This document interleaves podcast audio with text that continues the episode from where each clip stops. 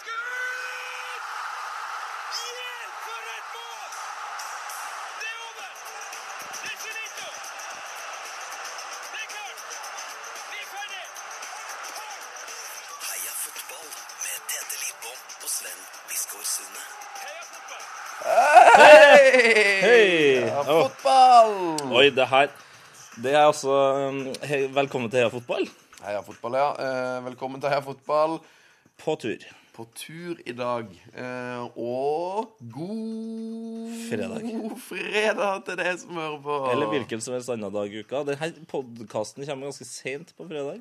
Ja, den Så kommer mest, det mest sannsynlig så er bra å si god helg eller god lørdag. Ja, eh, ekstremt sein eh, pod denne uka her. Mm. Det har en veldig god forklaring. En veldig god forklaring. Ja, det vil jeg påstå.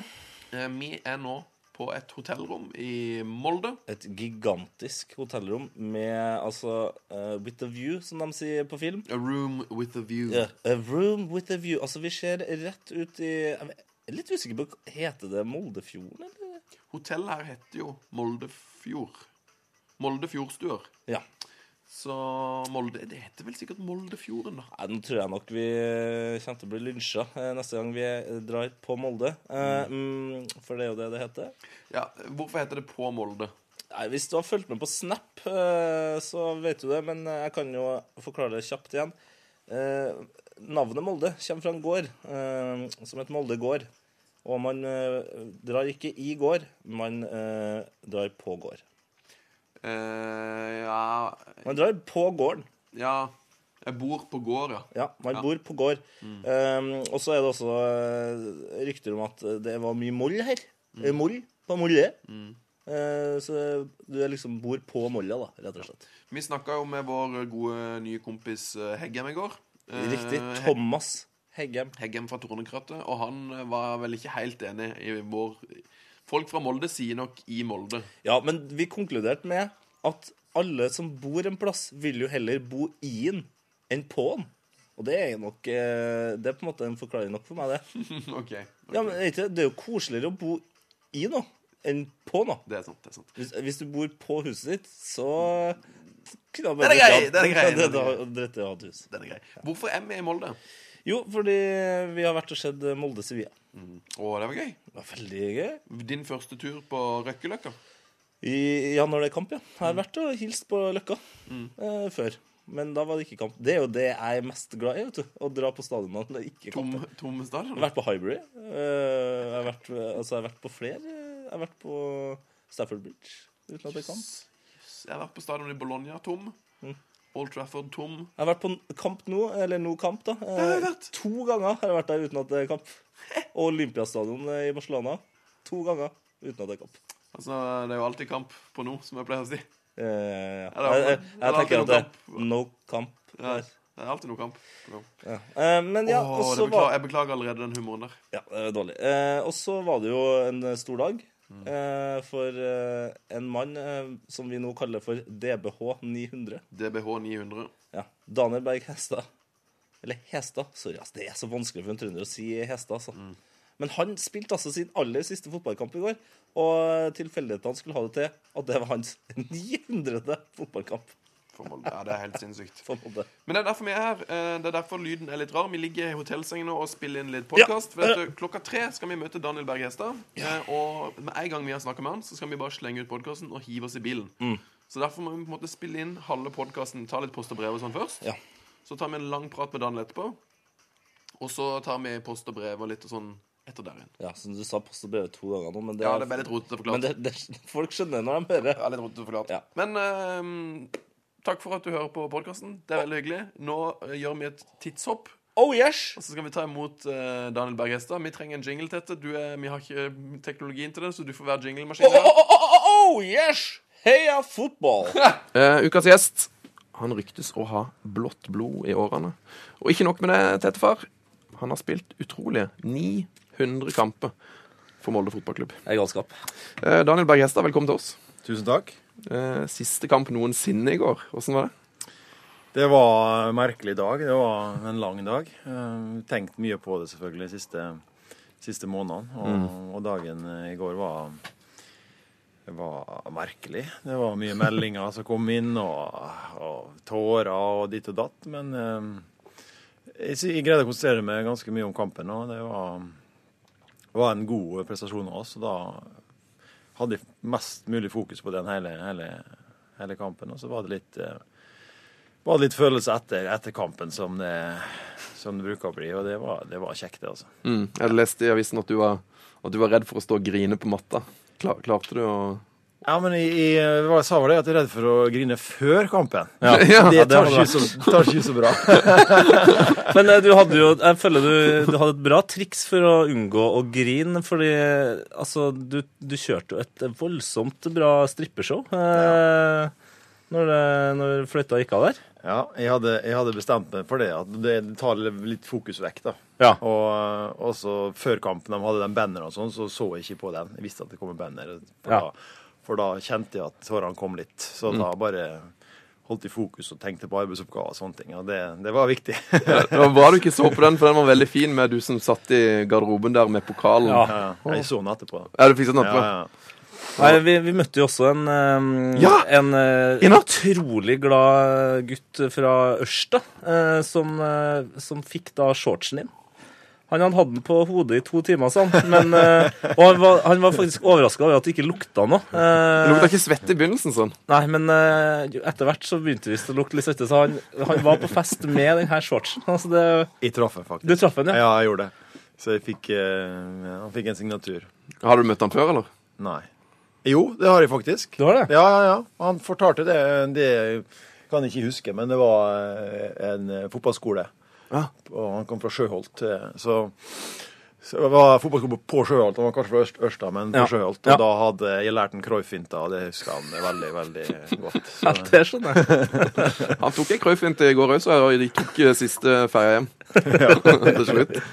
Men eh, snakk om å gi seg på topp. Dere slo altså et lag som har vunnet denne her cupen fire av de siste ti årene. ja, det er et sterkt lag. eh, Et sterkt kollektiv, og de de eh, hadde litt problemer i går. altså De var litt stressa en periode. Det er artig å se. og Det var en viktig kamp for, eh, for MFK og for laget som skal spille serie om 14 dager. For vi har jo ikke vunnet før i år. Og, og fikk en god opplevelse. Gutta fikk en uh, litt boost, og det er viktig. Og så må vi jo si at vi var litt uheldige med trekninga. For hvis vi har fått noen andre, så kunne vi ha gått Absolutt. lenger. Hvor langt tror du at det kunne gått? Nei, det kommer an på, på lag. Men mange av de lagene det vet vi at vi kunne ha slått eh, på gode dager, selvfølgelig. Det beviste dere jo ganske greit i gruppespillet. Ja. Og i går. Og i går. da vant jo i går òg. Ja. Men eh, når, du, når man spiller mot det Sevilla-laget der hvem, altså, når du, Nå spilte du den kampen i går, du husker jo på en måte eh, åssen de, de var. Var det noen av de spillerne som imponerte deg, som tenkte sånn Han var Gud, så god han var. Eh, mest på hjemmebane, egentlig. Der Ja, når de, når det var der nede? Ja, der var de sterke. Og de er vel kjent for å være meget sterke på hjemmebane. Mm. Uh, de har slått de fleste lagene der. Så de har, de har veldig, uh, veldig klar kampplan med, med høye bekker og, og possession, selvfølgelig. Og så har de litt forskjellige typer på topp som gjør at de spiller litt ulikt. Når de spiller Lorente, så er det, er det litt mer oppspill og, og legg. Og så spiller Ja. de med, Gameiro, så er det Litt mer fart. ja, litt mer fart i bakrom og, og sånne ting. Men de, er jo, de står jo veldig høyt, da, og det er van, veldig vanskelig å spille mot. Og de er veldig aggressive. Mm. sånn som eh, mange spanske lag er, og Barcelona annet. Og hvis de taper, så vinner de ball med en gang. Så du må være kald i hodet for å greie å spille dem ut. Og Ja, for det, det var en sånn ting jeg la merke til de første 20 minuttene. Så var det, liksom, det er to store kapteiner ute på banen her. Det var deg og Reyes. Ja. Um, begge beveget seg egentlig ganske lite, men du sto liksom alltid på riktig plass, mens han sto mer og så ut som han var hypp på å komme hjem. Altså, ja, det, det la fakten faktisk merke det òg. Altså det- Han gjemte seg litt i går. han eh, han eh, sleit litt. Han var ikke så veldig aktiv og interessert. Så det sånn ut? nei, det var veldig rart. Det så ut som han var redd for å få strekk. Ja, disse, det var en, eh, et par nye indreløpere som, som i hvert fall imponerte meg noe voldsomt i går. Ja. ja. Er, er Molde framtida lys på midtbaneplass, selv om Daniel Berg Hestad skal gi seg? Ja, det, det gårsdagen det bringer bud om eh, noe bra i framtida. Så det var fantastisk å se. Vi, vi spilte på sjøltillit etter hvert, og de blomstra som bare det. Og, og Fredrik var jo, Fredrik Aursnes var god i Sevilla òg, så det, det er utrolig viktig egenskap å ha, ha hodet med seg når du spiller fotball, og ha hodet kaldt. Og det, det viste de i går, at de har eh, muligheten til å, til å bli eh, veldig god på midtbanen i, i Molde. Og så får vi nå se om de eh, blir stabile nok til, å, til at vi kan eh, kjempe om gull. Ja. Ja. Og til å holde på i, i 23 år. For det er viktig. Men eh, han, eh, vi snakka om han Fredrik Aursnes, han spilte vel Altså, han er helt ny hos dere. Han spilte i Hødd i fjor, eller? Ja. Og så nå er, tar han det nivået så fort. Er ikke det Det, det synes jeg er en sånn sjokkerende Ja. eh, imponerende, da. At det går an å, å dominere en europaligakamp. Han har jo vært et kjent talent i flere år. Ja. Vi har da visst, visst av ham. Han har vært på landslaget og sånn. Så, så, men jeg har jo bare hørt om han eh, gjennom andre, så jeg er veldig imponert over det han har gjort på trening. Og fra første dag så har han en, en voldsom, eh, voldsom kraft og eh, en voldsom løpskapasitet. Han minner meg litt om meg sjøl i Vingerjaget, faktisk. For han er en sånn eh, indreløpertype, som i 4-3-3. Og eh, kan være veldig målfarlig også. Det er en spennende spiller. Hva, hva, når du sier at han minner deg om deg sjøl når du var yngre, betyr det at, det, at han ikke minner deg om deg sjøl nå? For eh, Jeg er langt derifra. nå har jeg spilletypen endret seg. Hvordan uh, kan du huske noen sånn periode i karrieren hvor liksom, du tenkte at nå må jeg begynne å spille annerledes på grunn av kroppen, eller Eh, ja, eh, det var også med rollen jeg fikk på laget også. Det, I gamle dager spilte vi 4-3-3 med Hareide Brakstad. Så ble det etter hvert 4-4-2. Og da det, fikk du en annen rolle, mer defensiv eh, eh, ting du måtte gjøre. Og da, da ble det sånn. Og ofte sånn med, med alderen så detter du litt bakover banen. Det, det er ikke sjelden det skjer. Og, og du tenker litt defensivt. Du tenker liksom eh, eh, eh, bakover og trygge, trygge hjemmet ditt. Og det, det har også vært med meg. Eh, Hvis jeg får en sjanse foran mål og jeg skal skyte, så tenker jeg mer på å komme meg tilbake igjen før jeg har skutt. Så det, det går som regel over. Tenker mer på konsekvensene Ja, ikke på gammel. kontring. Du, Jeg klarer ikke å gi, gi, gi meg på at det var liksom den siste kampen i går. Jeg bare lurer på, Du sa det var, det var en, en helt sånn merkelig dag. Hva var, var det rareste med å spille siste kampen?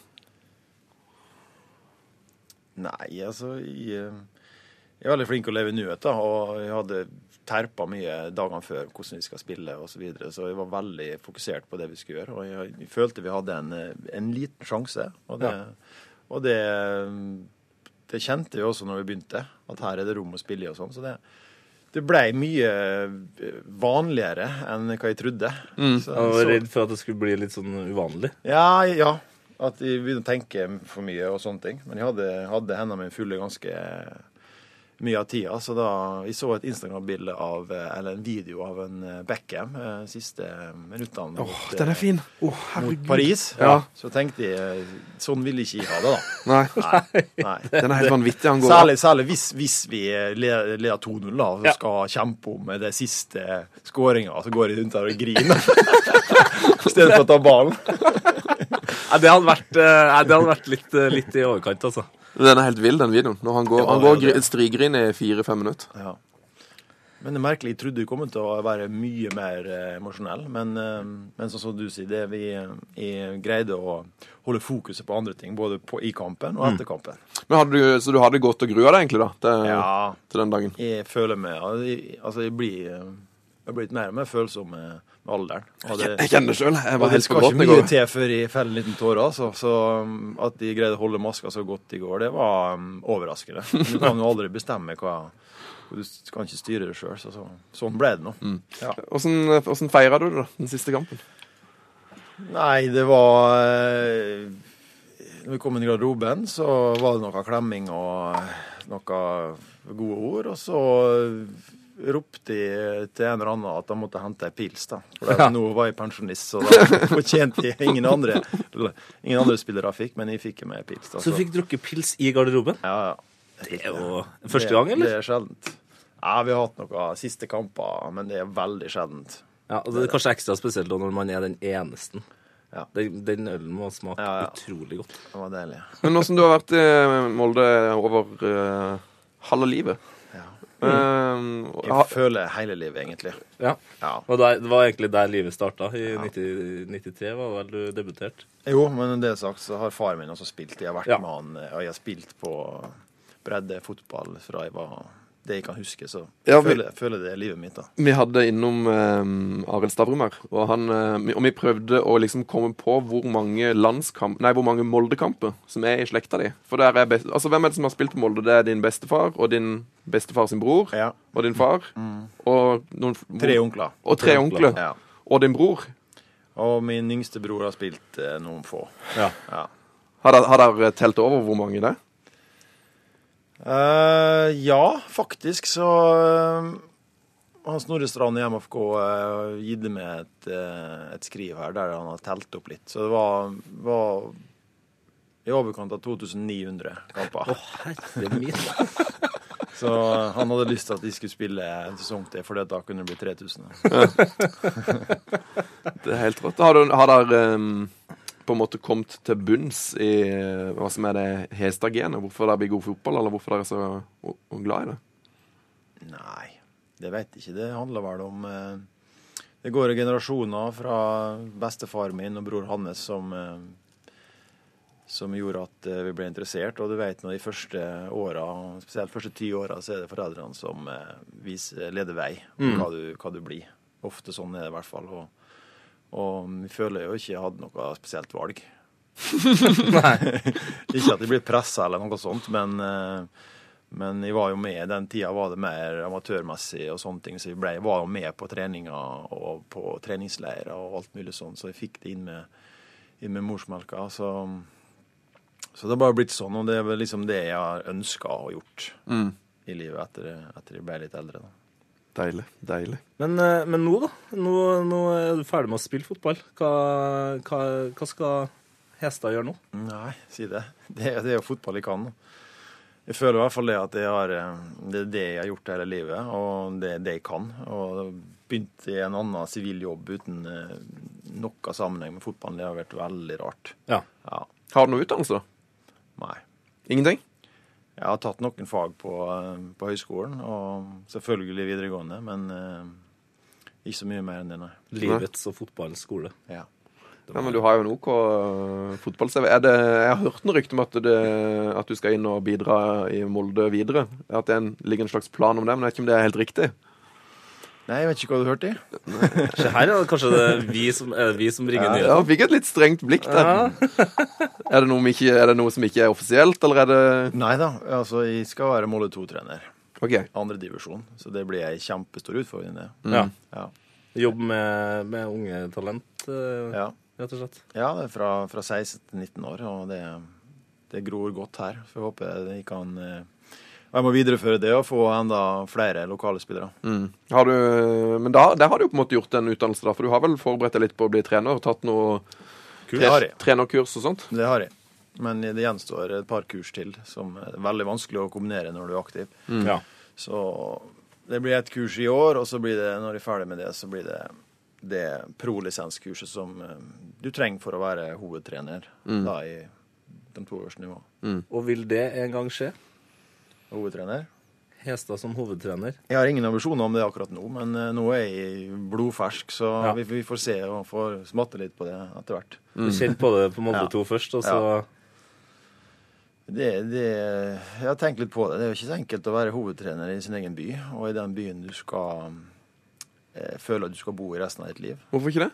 Nei Ja, hva skal skje hvis, eh, hvis det går dårligere? resultater? Skal de bare trappe ned igjen og begynne, begynne på scratch og bli rekruttrener igjen etter at du har vært hovedtrener? Det kan bli litt konflikt, litt Ja, for- konflikt der. For Molde, her skal du bo, du. Du, du har ikke noen planer om å flytte noe annet Nei, plass? har ikke det. Nei.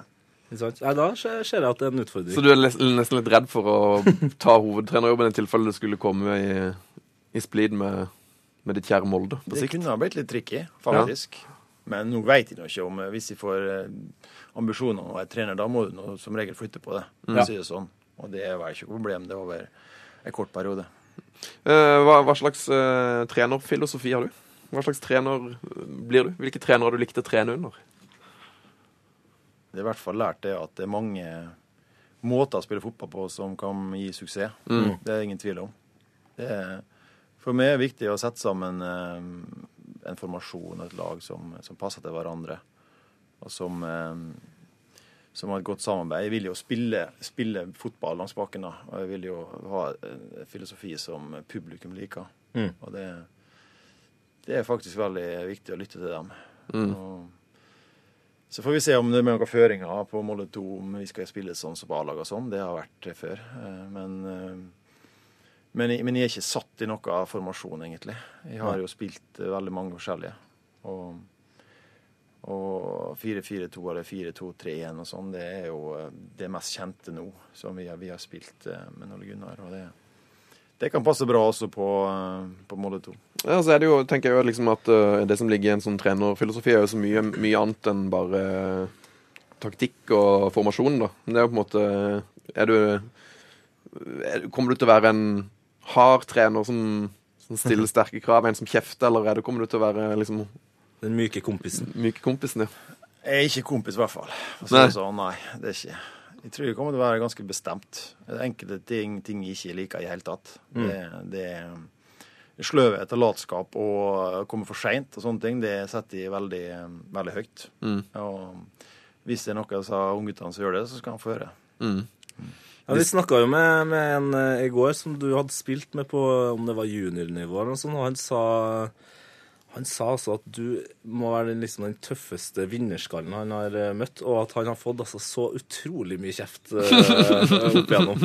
Uh, Ja, han sa at du var, at du var mye sint, ja. Ja. Er du, en, er du en sint mann på banen? Nei, ikke de siste åra. Men i det, det eh, Daniel Berg Hestad anno 2016 og 1995 er to forskjellige personer. Det er ingen tvil om. Eh, Alle forandrer seg, men eh, men jeg var nok Jeg hadde en voldsom eh, vinnermentalitet og ville vinne for enhver pris, og det, det det kunne gå utover eh, medspillerne og mot- motstanderne av og til. Eh, Mest verbalt. Ja. Men, ja, eh, Men òg Men òg fysisk. ja, av og til så, så kokte det om. Jeg har aldri vært sånn grisetakler. Det har ikke, det har ikke vært. Men eh, det har jo Jeg har jo skubba dommer, jeg har skubba medspillerne som har fått rødt kort osv. Så, videre, så av og til gikk, gikk det helt for seg. ja. Du, vi har fått inn masse, masse lytter, utrolig mye lytterspørsmål. lytterspørsmål. det er rekord, eh, faktisk. Blant annet fire stykk fra Freddy Dos Santos. Så du har litt å tyne på. Men eh, eh, det går litt på det du snakka om nå, at du har gjort eh, dumme ting. Hva, hva er det, du- hva er det liksom du angrer mest på av, av de dumme tingene du har gjort? Nei, altså du, du Hvert menneske syns jeg bør angre på, på, på ting de gjør eh, når de er yngre. Altså alle ting kan ikke være like, like bevisst. Og, eh, og du, eh, du eh, vokser vokser med alderen. Og jeg har jo, jeg har jo gjort mine ting. Jeg har eh, krasja i bil i fylla og litt sånne ting som, som selvfølgelig angrer på. Alle angrer på, på sånne ting. og det det er sånn du må ta lærdom av, å, å stå eh, rakrygga og beklage og, og bli ferdig med, liksom. Og det gjorde jeg. Eh, Jeg ringte til, til lokalavisa med en gang. Jeg, jeg hadde muligheten og, og fikk, det, fikk det unna, liksom. Og, og det, det var veldig, veldig bra for meg. Og det, det er jo en sånn, sånn ting som eh, som ikke skal skje, men som kan skje. Og da er det bare viktig at du, du, du kommer ut av det og tar lærdom av det.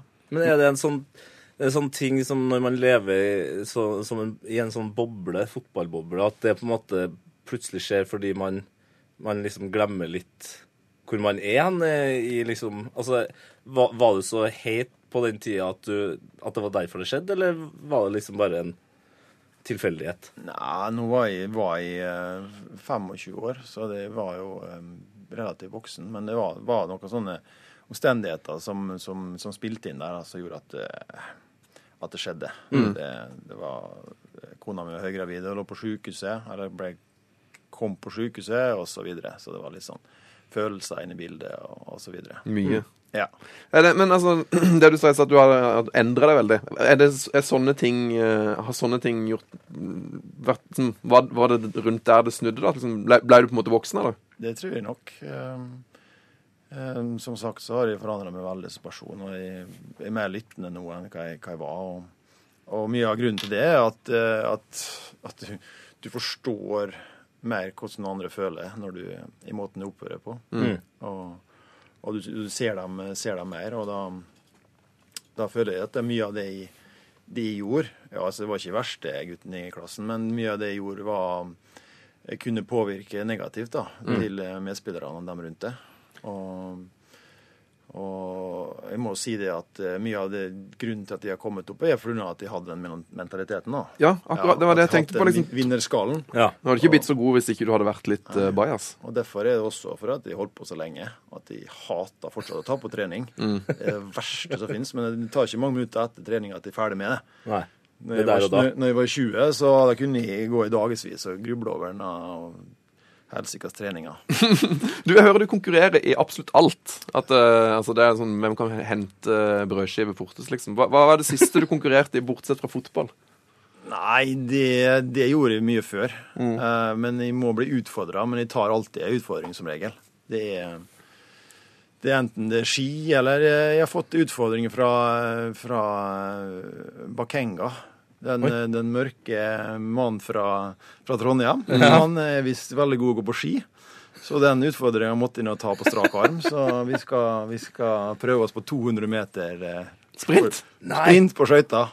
Skøyteskia. Det er jo helt, det er jo helt nytt. Det her må jo filmes. Så jeg, jeg kan ikke bli slått av en afrikaner på ski. Altså, det Nei. går ikke an. altså, hvis du, hvis du ikke slår han, så, så kommer jeg ned til Molde, og så skal jeg jo Du utfordrer Tete. Men eh, er du god i noe andre idretter enn fotball? Og ski? Jeg eh, har jo sagt det opp gjennom tida at en av grunnene til at jeg har holdt på så lenge, med kroppen min har holdt så bra, er at jeg har vært så veldig allsidig. Jeg holdt på med alpint i mange år, og eh, var ja, i toppen sånn regionmessig der. Før det ble slutt på snøen. Så gitt det meg Var det mer snø før? Ja, jeg måtte reise til Oppdal og, og Bjorli og sånn Ja. i helgene, og det ble, Det blir det ble litt for mye. Mm. Uh, så var jeg ikke like god som i fotball, men uansett så har jeg holdt på med veldig mye, mye annet. Og, og både turn og, og håndball og ja, veldig aktiv i, i hverdagen, da. Ikke alltid organisert, men, eh, men den tida så spilte vi heller ikke mye organisert fotball. Det var to, to ganger i uka, kanskje, og så hadde vi mye løkkefotball. Ja. Og, men var overalt. Klatra i trær, eh, for i skogen, eh, sykla rundt og herja. Det var ikke satt ikke inne på dataen eller på mobilen. Hva har du, hva, hva har du å si til iPad-generasjonen som vokser til nå, da? Nei, det, er jo, det tar jo helt av. Altså, du må, du må ut og utforske litt. Det er fantastisk. eh, Det er moro. Eh, Ut og leve litt. Ja. Men, men når du skal ut og utforske, så vi har fått et, et eh, lytterspørsmål her eh, som handler om fly. Eh, sete 5A. Eh, Som fotballspiller så må, du jo, så må du jo fly veldig mye, og ryktene skal vel ha det til at du ikke syns det er så gøy å fly. Nei, det er ikke så artig. Syns ikke det. Jeg har prøvd mye rart for å få det vekk. Jeg snakka med piloter. Jeg- har vært innom flyskrekkurs og litt sånne ting, men, det er, men jeg greier meg. Jeg går inn i min egen boble og, og får i de rette omstendighetene. Været ikke er veldig dårlig, så, Så så, så greier jeg meg. Selv om jeg er veldig nervøs. Og blant annet er det langt foran, helst A, og alltid med vindu. Ja. Jeg har ikke sittet annen plass enn vindu på i hvert fall 15 år. Så, bra altså. så hvis det er fullt der, så sliter jeg. Jeg Det er på begynner, Norges... å gi, gi folk penger og sånn for at de skal flytte seg. Ja, det er Norges bergkamp, eh, rett og slett. Han var jo ganske redd for å fly. Ja, men jeg har enda ikke stått av en flytur, som jeg kan huske. Er det vinnerskallen igjen, kanskje egentlig? Ja, det er en jobb du skal gjøre, Ja. og um, du kan ikke svikte, svikte laget ditt. Ved- Hvilken flytur husker du det var nærmest med å kutte? Oh, nei, det var en flytur fra, hjem fra Gran Canaria på treningsleir. Eh, da var det dårlig vær, det var mørkt, og det var turbulens nesten hele veien. Og det er det verste, da. Ja. De tinga der. Ja, men turbulens er Ja, grusomt.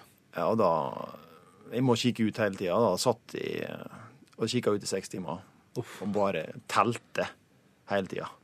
Telte til 100, og så begynte på nytt igjen. Det var lang tur. Det. Var så vondt i eh, en rumpeballen når vi satt på, gikk av flyet, fordi Satt på du satt på, på skeiva. Det var sikkert skikkelig anspent hele veien. Så det er kanskje det du kommer til å savne minst da med fotballen. Ja, det er det. Det blir ikke noe um, speider eller agent, for å si det sånn. Det blir, blir båtferie og sånt, da, eller? Ja, altså, familien har lidd litt under dette, da. Det har vært mye turer med bil, for å si det sånn. Du brukte opp hele kvoten på fotball. Hva, hva får du tid til å gjøre nå, da, som ikke du har fått tid til å gjøre før? Nei, forhåpentligvis får jeg litt fri i helgene. Eh, Jeg har ei hytte for et par år siden som jeg vil gjerne bruke litt mer. Og får kanskje ja reise litt, faktisk. Prøve å hive meg på flyet, da. Få reise litt. De skal annet til, til Liverpool eh, 2. april og se om Liverpool-Tottenham. Ja, for du er Tottenham-fan. Ja.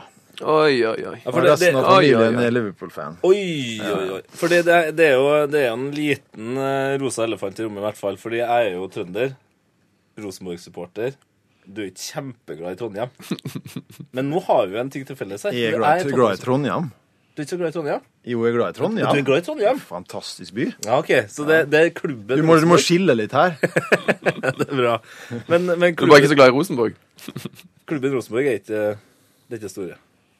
Nei, jeg er ikke veldig glad i dem. Nei. Men det er viktig at vi har rivalisering. Ja, Og det, den, den saken der er noe som eh, får om interessen. Og det, det er viktig at eh, folk eh, tør å si litt kontroverser. kontroverser.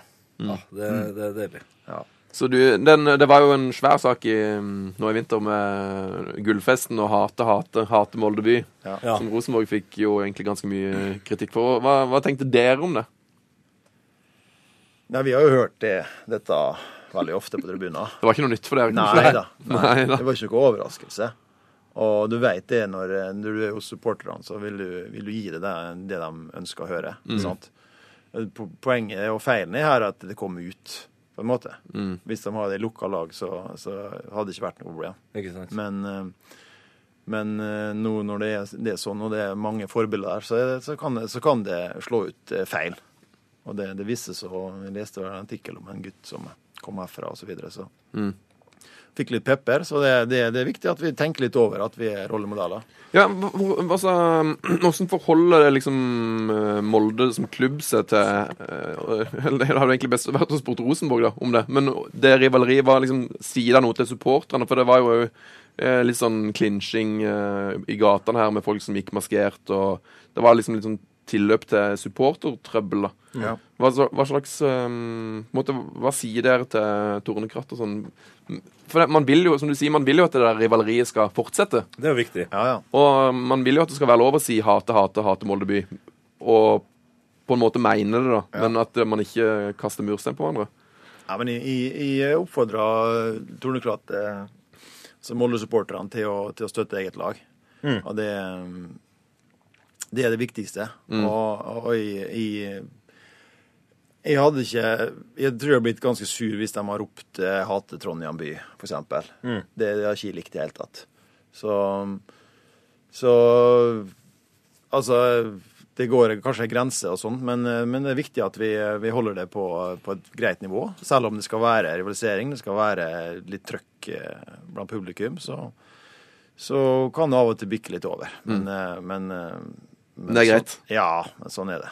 Du kan tro vi har fått mye, vi har fått mye Rosenborg-lytterspørsmål som er litt sånn Som er litt Små- bitre mennesker. Men, eh, men når du Ja, men De er litt gøye òg, for det, det, det, det lurer jeg litt på. For det er sånn eh, Det er sånn som det du sa med fyllekjøringa. Så, så kommer det sånn folk som, som sier at ah, 'det må du spørre om, det er gøy'. Litt sånn stikk. Eh, på en måte får dere, for dere spillerne, utenom det som kommer fra tribunen, har du hatt noen sånn kjipe opplevelser med, med fans som på en måte er ufine utenfor, utenfor banen, da? På byen og sånn? Ja, altså Du hører jo eh, mye rart når du er på borte, bortekamper. Og de, de, flest, altså de beste spillerne får det mest, for å si det sånn. Så det er et kompliment, ja, rett og slett. Ja, altså eh, Blant annet i Bergen og i Trondheim så er det, er det, er det verst. Ja. Ja. Det er de eh, tøffeste kommentarene. Og både på banen og, og før og etter og sånn. Og, og spesielt uh, unge gutter uh, har jeg lagt merke til eh, visse plasser er veldig tøffe i munnen. Og det, det kan jo være litt provoserende av og til. Men jeg har, jeg, har ikke sagt fra ennå. Men jeg husker Kjetil Rekdal sa, sa fra en, en gang når han var på Lerkendal. Han gjorde det? Fortell, fortell. Nei, jeg husker ikke helt hva han sa, men uh, Han sa direkte fra til, til den ja, personen som han sa det at uh, og hilse foreldrene dine og si god oppdragelse eller noe sånt. Så. Men nå har jo du allerede sagt at du kjenner deg litt igjen. For at du var, litt, du var vel litt bajas sjøl når du var liten, så kanskje disse her som står og roper dritt, blir en, blir en fornuftig Jo, men altså, du ser hvor, eh, hvor påvirka folk blir. Altså, det, det er ringvirkninger. Så, men eh, den, eh, den supporter, supporteren og det trøkket, det, det er jo viktig for det engasjementet. Og Ja. de, de følelsene du har inni det. Og hvis de følelsene er så store at du, eh, du må gi utløp for det, altså, det er det da er det ekte, ekte følelser. Og det er viktig. Mm. Men- Også- men- men jeg, jeg lurer på det, hvem, sånn, hvem er det sånn Du sier jo at det er eh, i Bergen og i Trondheim at du får de verste kommentarene, men det, at det er vel òg der det er gøyest å spille. Det er der det er mest liv, de beste supporterne, flest som synger, flest folk på kamp. Ja da. Ja, og det, det er kjempeviktig. Og nå har vi fått eh, kjempefine stadioner nesten overalt. Mm. det er viktig å fylle opp den stadion. Hvordan gjør vi det? Jo, vi gjør det med, med trøkk og rivalisering og opphaussing i media. Og, og selvfølgelig positivitet til kvaliteten på Eliteserien. Det er viktig.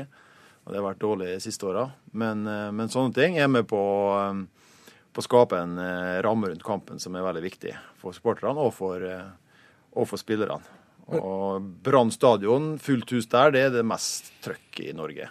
Det er det ingen tvil om. Ja.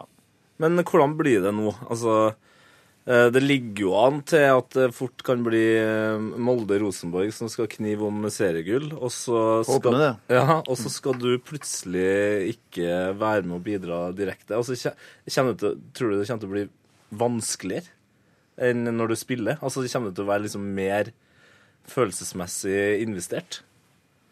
Nei, det, det, tror, det tror jeg egentlig ikke. Eh, Jeg, jeg føler på meg at, eh, at du blir litt mjukere i kantene med åra.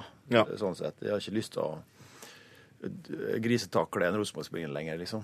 Nei. Nei, som vi hadde før. du, blir, du, du blir litt sånn mer eh, snillere og, og mer forsiktig i det du gjør. Og det er også en av grunnene til at det gir meg at jeg har ikke med den go-en lenger. Jeg vil ikke ofre alt for, for å vinne lenger. Og da føler jeg at mye av det, det som jeg står for, da, er litt borte. Men samtidig så var du jo kanskje banens ja, Du var iallfall en av de aller beste på hele banen i går. Er det litt sånn Har du tenkt på at eh, fanken, når jeg måtte spille så bra som jeg gjør nå, at du har lyst til å ta, ta en sesong til? Nei, det var hyggelig å høre. Det er jeg ikke helt enig i. Men, eh, men eh, når, det, når det er sagt, så, så har jeg hatt en veldig motivasjon i Europaligaen. Og helt ærlig så, så, så blir det ikke det samme for hodet mitt Eliteserien lenger. Og da føler og motivasjonen er 5% mindre, så, så er det på tide å gi seg. Og så er, er dem som sier at de er bedre enn noensinne, dem har ikke peiling på fotball mer enn jeg, da. Jeg er eh, altfor treig, egentlig, men jeg er veldig god skjule. Ja. Ja. Ja, det visste vi i går. Men, eh, men vi, vi har jo vært i Molde i over en dag, vi nå. eh, Og snakka mye med, med alt fra fans i Tornekrattet, eh, journalister eh, og folk som jobber i klubben. Og det som vi liksom alltid har kommet inn på, er når du slutter nå eh, med liksom den her erfaringa og mentaliteten, hvem er det som skal ta over eh, liksom Altså være sjefen blant spillerne i garderoben. Når du forsvinner, kommer du til å etterlate deg et uh, hull som blir vanskelig å fylle? Ja, det, sånn i utgangspunktet så gjør jeg vel kanskje det. Men det er noe viktig at de guttene som er der, som har vært med lenge, de tar et ekstra tak. Det er, nå har vi fått inn en islending som har eh, masse erfaring, så vi får håpe han, eh, han kan bidra litt. Og så har vi, eh, har vi noen eh, som eh, ser på tide at det blir voksen. F.eks. Vegard Forhen, kan ta litt tak. Hører du på Forhen? Nå er det rett til deg. Og Juno Jono Torvio er en, eh, en kapteinstype som uh, ser ut som får kapteinspinnet. Og så har vi en Motstrøm som, uh, som også uh, har tatt steg eh, siste åra, eh, sånn utafor banen og på banen. Så, så det har en, eh, en eh, liten gjeng der som eh, kan, som kan vi bidra enda mer. Eh, Så vi får håpe. Så eh, vi får se. Jeg er ikke helt overbevist ennå, men uh, Forhånd må skjerpe seg. Foran må skjerpe seg. Men uh, du var inne på Eidjord Gudjonsson. Ja. Du har jo, du har jo rukket å, å trent litt med han Uh, Ja. Lite grann, i hvert fall. Ja. Uh, altså, det er første gangen en spiller som har spilt fast for Barcelona, skal spille i Tippeligaen. Mm. Det er selvfølgelig noen år siden, men én én uh, the real thing, liksom. En, uh... Ja, det, han, er, han er fortsatt veldig god. Ja. Han uh, trenger litt kondistrening og litt sånne ting. Men eh, hvis vi finner rette rollen for han, så, så kommer han til å bli hit, han. Det, det her handler det om hodet igjen, motivasjon. Og jeg har sett før eh, gode spillere komme tilbake igjen i Eliteserien, eller komme til Eliteserien som ikke har lykkes, selv om de har lykkes eh, bra før i utlandet, i større klubber. han har vel kanskje eh, den beste motivasjonen en eh, fotballspiller fra Island eh, kan ha. Ja. Han skal spille i EM, det er liksom målet hans. Ja, det er jo fantastisk for Island, og det er utrolig imponerende hva de har gjort der i mange år. Og nå får de, eh, nå, eh, får de en premie i, i EM, og det er jo fantastisk for dem. Så det, hvis de ikke har motivasjon nå, så, Får han aldri. må han bare legge opp. Skal vi begynne på noe Dos Santos-spørsmål, da? Ja, kjør. Ja, Bare før, før spørsmålet kommer, hvordan, måte, hvor, hvor close er dere to? Dere har spilt sammen iallfall. Ja. Nei, vi har holdt, eh, holdt sporadisk kontakt eh, siden, så han er jo eh, han er jo enda mer i media enn meg, så jeg ser jo han bare titt og ofte. Så det er en veldig hyggelig kar. Han på TV hver gang du skrur på. Eh, Freddy spør blir han fortsatt illsint og syns folk er pingler hvis de drar hjem fra fest klokka 07 om morgenen.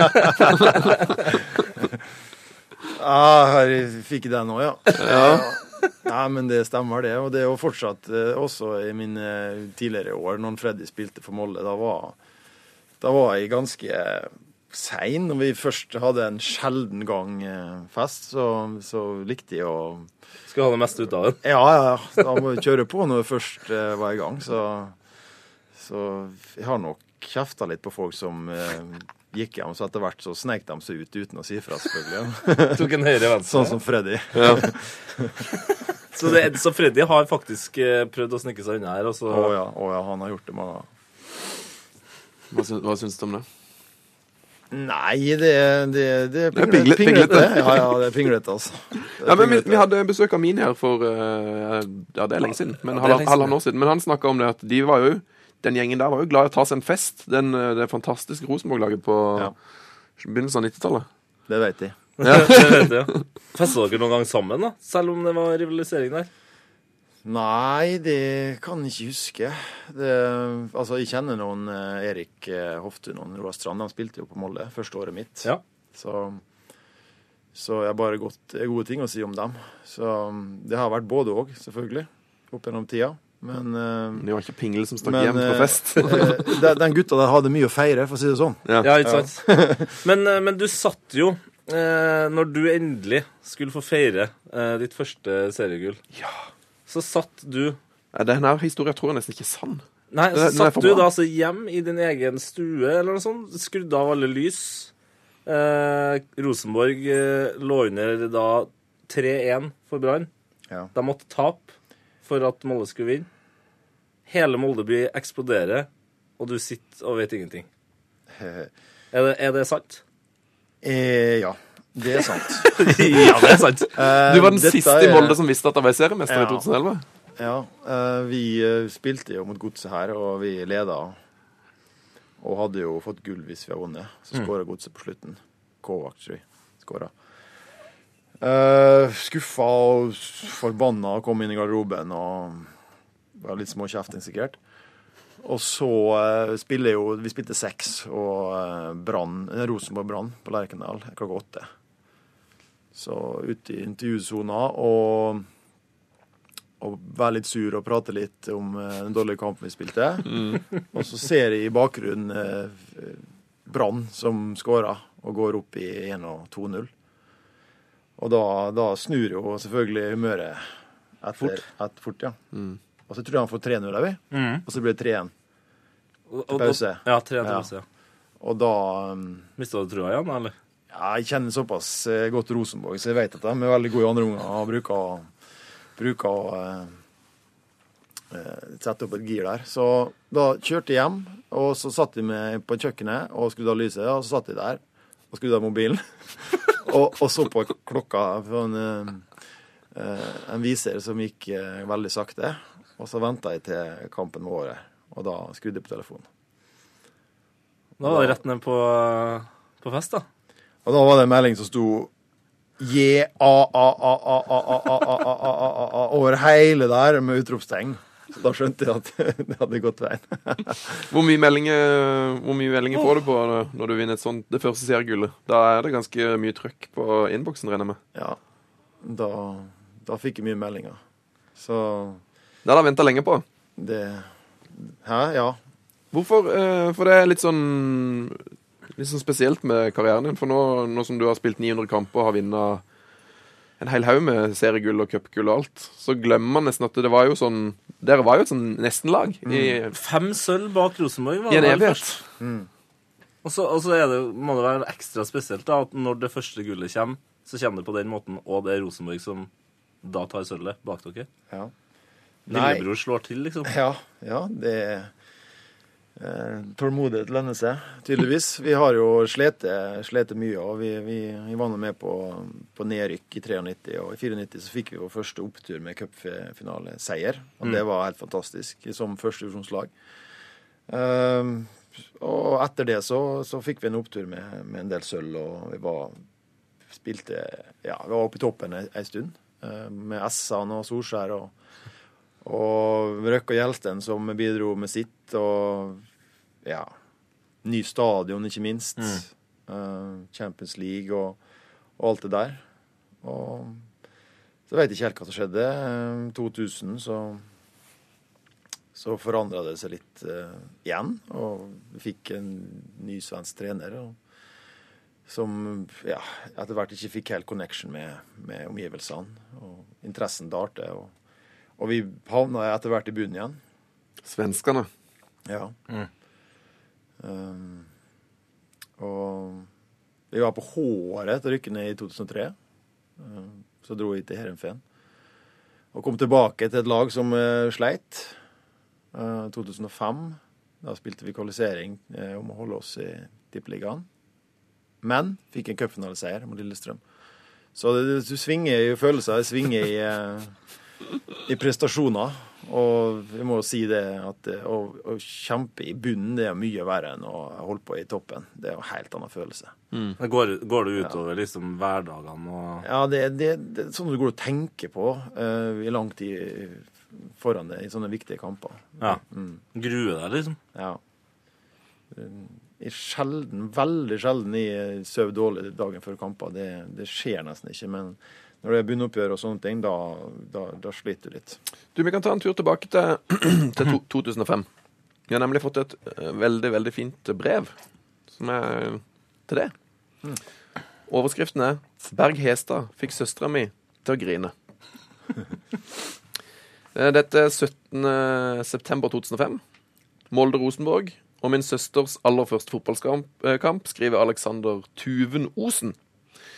Kampen blåses i gang. Molde går hardt ut. 55 sekunder ut i kampen. En lang ball mot Rob Friend, som taper mot to RBK-spillere, men heades bakover mot RBK 16-meter, der en Molde-spiller jobber hardt og vinner ballen. Flikker den videre til kaptein Berg Hestad, som lobber fra 20 meter i en fin bue over Espen Johnsen. Dette husker du kanskje? Ja. Det har gått ett minutt og tre sekunder når ballen havner i mål. Hele stadion reiser seg, jubler. Hans første mål etter han kom tilbake. Mot RBK. Jeg reiser meg, mamma reiser seg, pappa reiser seg. Alle jubler. Plutselig oppdager jeg at min søster, som blir åtte år dagen etter, sitter på plassen sin, helt i sjokk.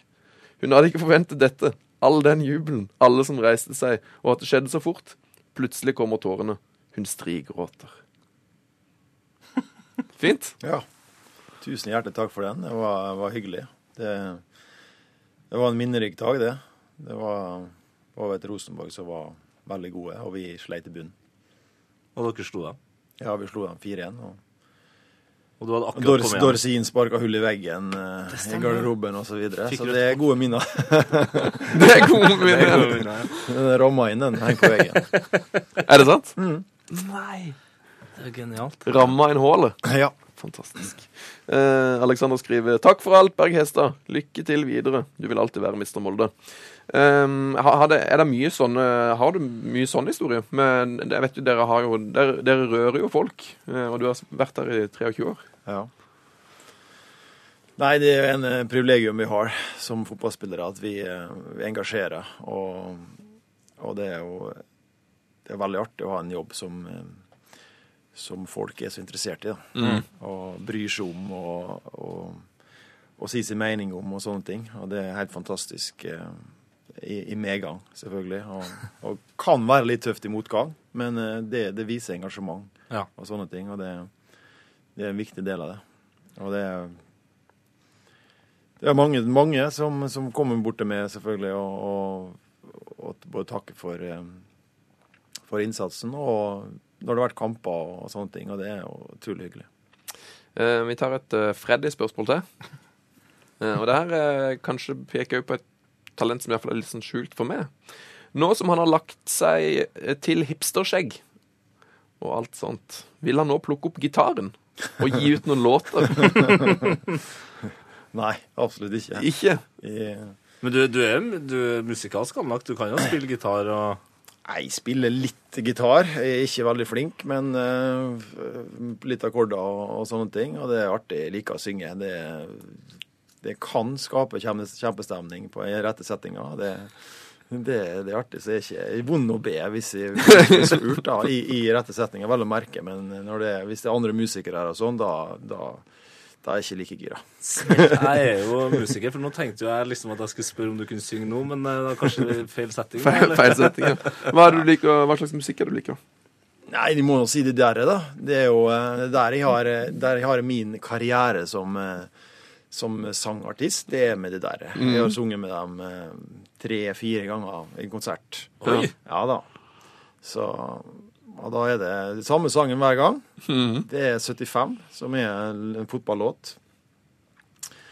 Som, eh, som handler om eh, selvfølgelig året 75, når jeg er født. Mm. Men også om, om fotball og, og livet i Molde by. Og, og Harry H., som kunne drible, drible altså kunne gå, som spilte på A-laget til Molde. Det er onkelen min. Ja, så den, det er en tøff sang, og er litt spesielt eh, artig. Hva er det du har på anlegget i bilen, da? Hvis ikke du spiller det der. Jeg har hørt at du har en ganske raffinert rock-smak. Ja, jeg er glad i radiorock, for eksempel. Og litt, litt eh, Jeg har vært heller litt mer mot eh, hardrock og litt sånne ting i senere tid, men jeg er altslukende. Og jeg, jeg elsker, elsker mm, gode sanger der det er ikke så mye sånn tekno og mye rapp og Du vil ha fuzz og gitar. Jeg vil ha gitar. Ja. Så, ja. Så du hører ikke så mye på P3 lenger, sikkert? Hæ? Du hører ikke så mye på P3, eller? Begynner å høre på mitt eh, program. Der er det bare rock. Ja, det Rock i to timer. Perfekt for det. Um, ja, vet ikke hva, hva jeg kan i, men eh, Bullet for my Valentine, en walisisk band. eh, Perfekt. Like uh. Avenge Sevenfold, eh, amerikansk. Det, litt sånne ting har jeg helt litt mer mot, da, og det er litt, litt kult. Men hvis det blir for mye skriking, da, da trekker jeg meg. Da trekker du. Da trekker jeg. Ja, ikke for mye. Ikke hør siste halvtimen av programmet mitt. Det var bra spørsmål, Freddy. Um, ja, dette har vi vært innpå. Vi kan bare rive gjennom det. Han sier um, hvorfor gir han seg når han ikke har vondt en eneste plass? Ja, det er sant, eh, men eh, familien min har historie om å ha dårlig hofte og dårlige knær og sånn. Det vil jeg ikke ha. Okay. Jeg vil være aktiv etter, eh, etter slutt. Så gi seg mens eh, leiken fortsatt er god. Men ligger det implisitt i spørsmålet her at eh, du har hatt mye vondt? At, er det, eller er det, står det noe mellom linjene her som ikke jeg klarer å lese? Nei, Jeg du har aldri hatt vondt. du har li, veldig lite skader? Ja, ja.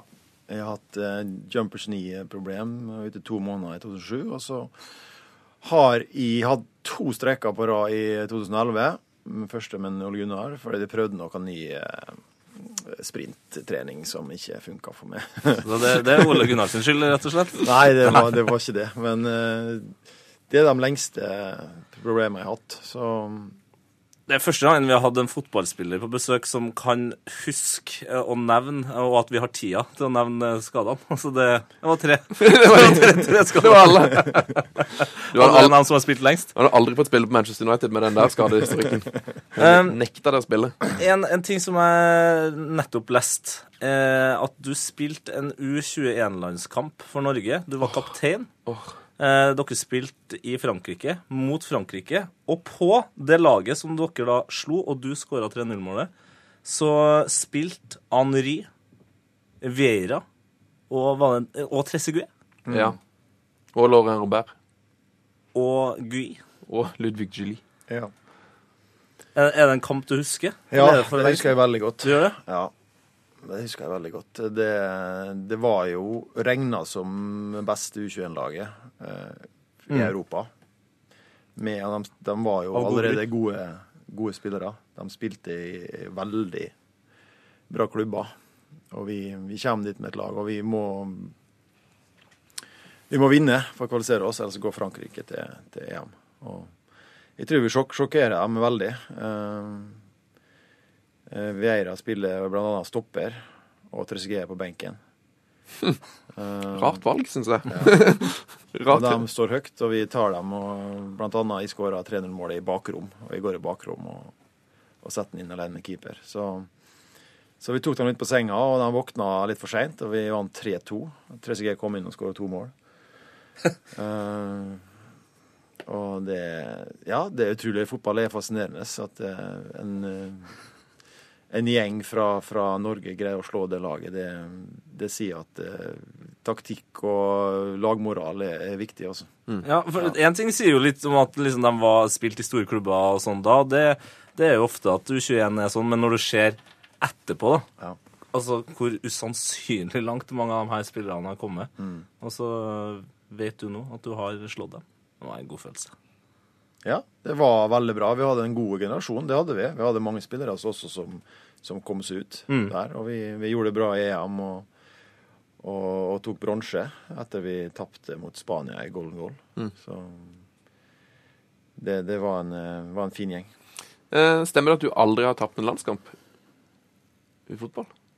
Nei, Ja, det, er, det, stemmer. det er en som har, en som har spurt oss om det. Hvordan er det å være ubeseira på eh, på landslaget. mot eh, Men på A-landslaget? A-landslaget. Ja. Nei, nå har jeg ikke akkurat eh, spilt så mange.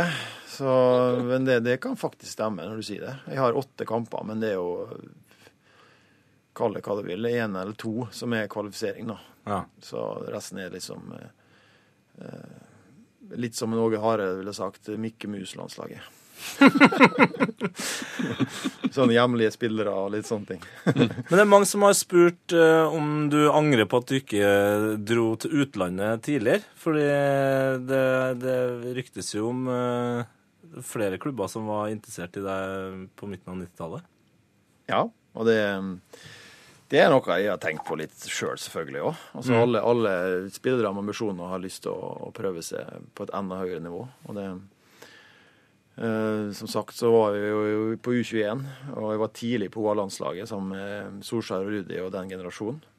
Og, og det var jo veldig mye spekulasjoner rundt, rundt meg og sånne ting. Så, så hva som skjedde der, det, det, det veit jeg egentlig ikke. Så det, det er jo ingen tvil om det at uh, det er viktig for meg å ha trygghetsfølelsen. og At at det kanskje det som svikta litt på A-landslaget. At jeg ikke presterte godt nok når jeg, når jeg fikk muligheten. Og det er ingen tvil om at, eh, at noen kamper der jeg var, var eh, mennesker så på at de ikke spilte godt nok, det vet de.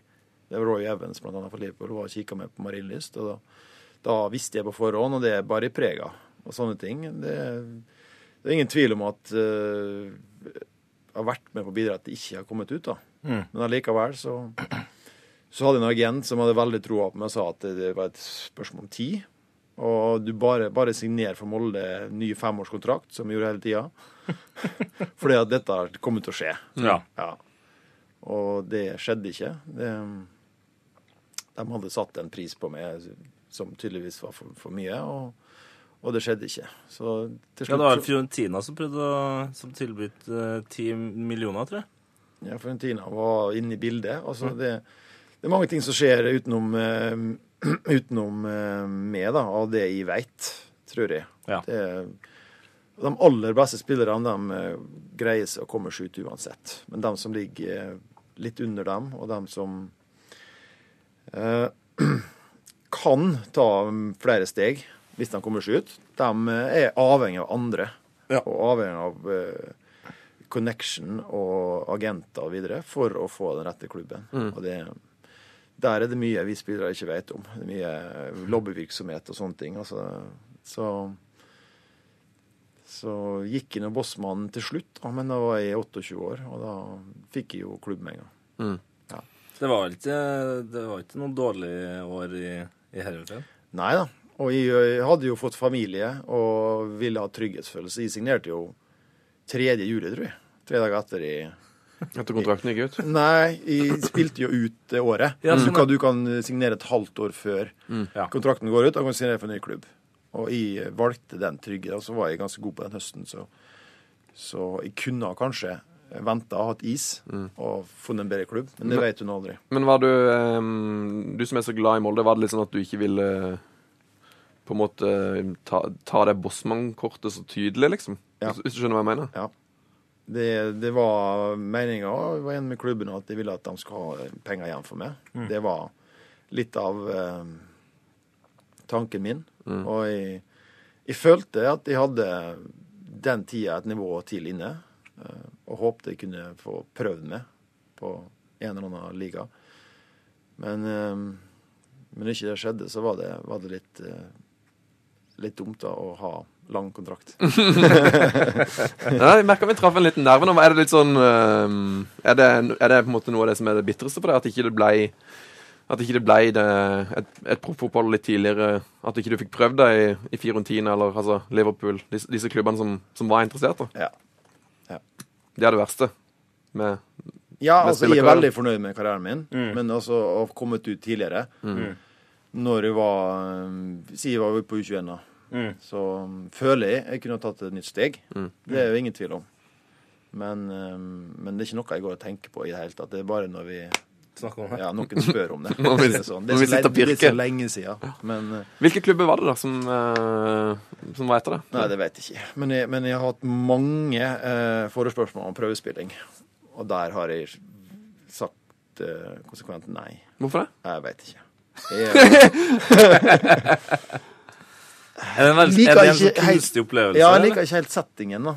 Uh, komme dit og, og by seg fram, liksom. Uh, som sagt, jeg har likt den trygghetsfølelsen, og jeg tar litt tid for å komme inn i et miljø og så. Eh, så jeg har ikke følt eh, at jeg har fått ut det beste av meg sjøl, da, hvis jeg hadde dratt. Jeg dro til Leicester, forresten, eh, tidlig 2000, og trente med dem. Og følte jeg gjorde det veldig bra. Jeg var 14 dager der. Men så fikk manageren sparken, og, og de var sleit med økonomi, så da skjedde ikke det. Så det er mange tilfeller. da. Hvis du ombestemmer deg i morgen, altså, kan du jo ta en tur til Leicester nå. Da hadde jo Det hadde vært greit. De får mye kritikk for at de har litt tynn stall, så kanskje de trenger Ja, ja. Hvis de hører på. Hvem hvem hadde du takka nei til prøvespill for, da? Hæ? Hvilke prøvespill hadde du takka nei til? Å, det er mange. Det er mange. Og det er mange store klubber òg. Så, så det er jo Nå Nok- skriker folk etter navn. noe du angrer på eh, i seinere tid. Men eh, Men jeg hadde nå Rune Hauge. Han var jo hotteste agenten på den tida. Ja. Så han kunne jo ordne det meste. Ja. Ja. Hvor, hvor, eh, men har du et navn du har lyst til å dele? Nei. Det er hemmelig? Nei, men det er mange engelske klubber og sånne ting som er større enn Leicester, for å si det sånn. Så. Ja. Du, um, uh, det her er et vi er tilbake på Rosenborg-rivaleriet. Er det sant at du boikotta Rema 1000 etter at de ble hovedsponsor for Rosenborg? Ja. Yes! Yes! Det er jo helt fantastisk. Det er gøy. Åssen eh, foregikk den boikotten? Nei, ikke boy boikott. Ja. Nei, det er bare ikke å handle der. Enke- Enkelt og greit. Eh, og og så er det jo en historie, den, og det var jo på det som Det, det ligger litt mer bak enn det, da. Altså bunnpris eh, er det regionalt bunnpris har slekta mi, ikke slekta mi, men en, en i slekta mi eid. Ja. Erik Aha. Berg, som også har vært styreleder i Molde og litt sånne ting. Så det er litt der òg, da. Ja. Det er litt ja, det familiepatriotisme. ja, jeg må støtte, ja, ja. støtte da. Lytterspørsmål fra Flemma. Han kjenner du veldig godt til. Ja. Eh, greier han endelig å snakke ut om dette? Og så har han lagt med en, en lenke til en veldig rar sak, der Sheffield Wednesday prøvde å kjøpe det. Men så viser det seg at budet var falskt. Hva i alle dager? Nå drikker han altså godt med Powerade der. Dette er jo helt uskyldig. Dette er, Det er bra. Ja.